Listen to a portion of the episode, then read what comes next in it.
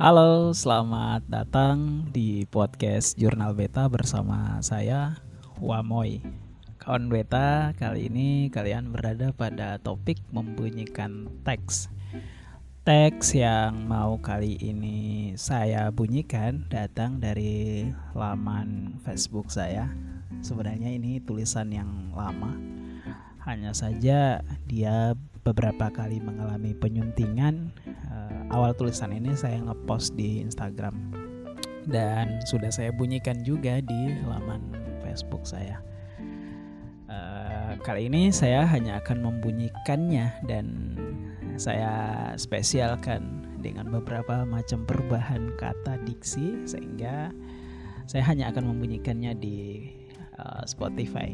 Jadi hanya didengar bisa didengar di Spotify. Tulisan itu saya beri judul Terminal. Terlalu pagi untuk memulai kesibukan. Tas ransel melekat di pundak.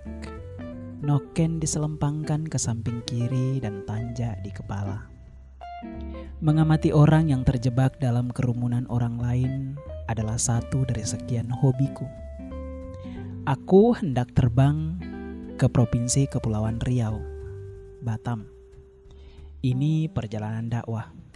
Aku sering menggunakan satu adagium yang entah aku mendengarnya di mana. Kurang lebih seperti begini bunyi kalimatnya. Menyulam asa, menghapus stigma. Noken adalah entitas budaya. Begitupun tanjak.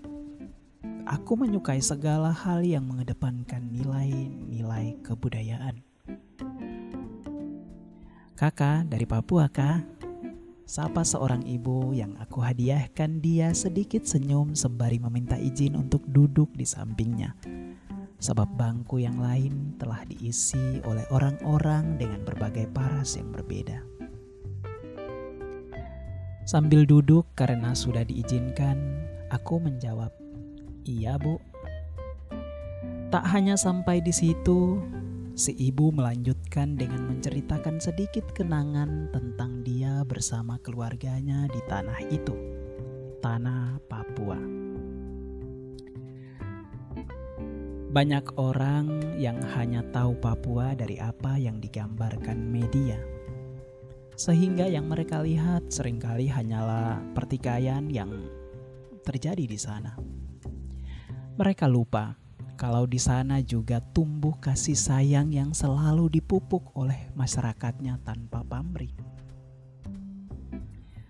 Aku menyimak dengan saksama kisah yang dituturkan dengan bahasa yang syahdu. Bahasa khas kepunyaan masyarakat Melayu. Kakak mau ke mana? Dengan sedikit dialek Papua, si ibu menyudahi kisahnya. Saya mau ke Batam, Bu ada sedikit kerjaan di sana. Sembari mengucapkan kata itu, aku pamit.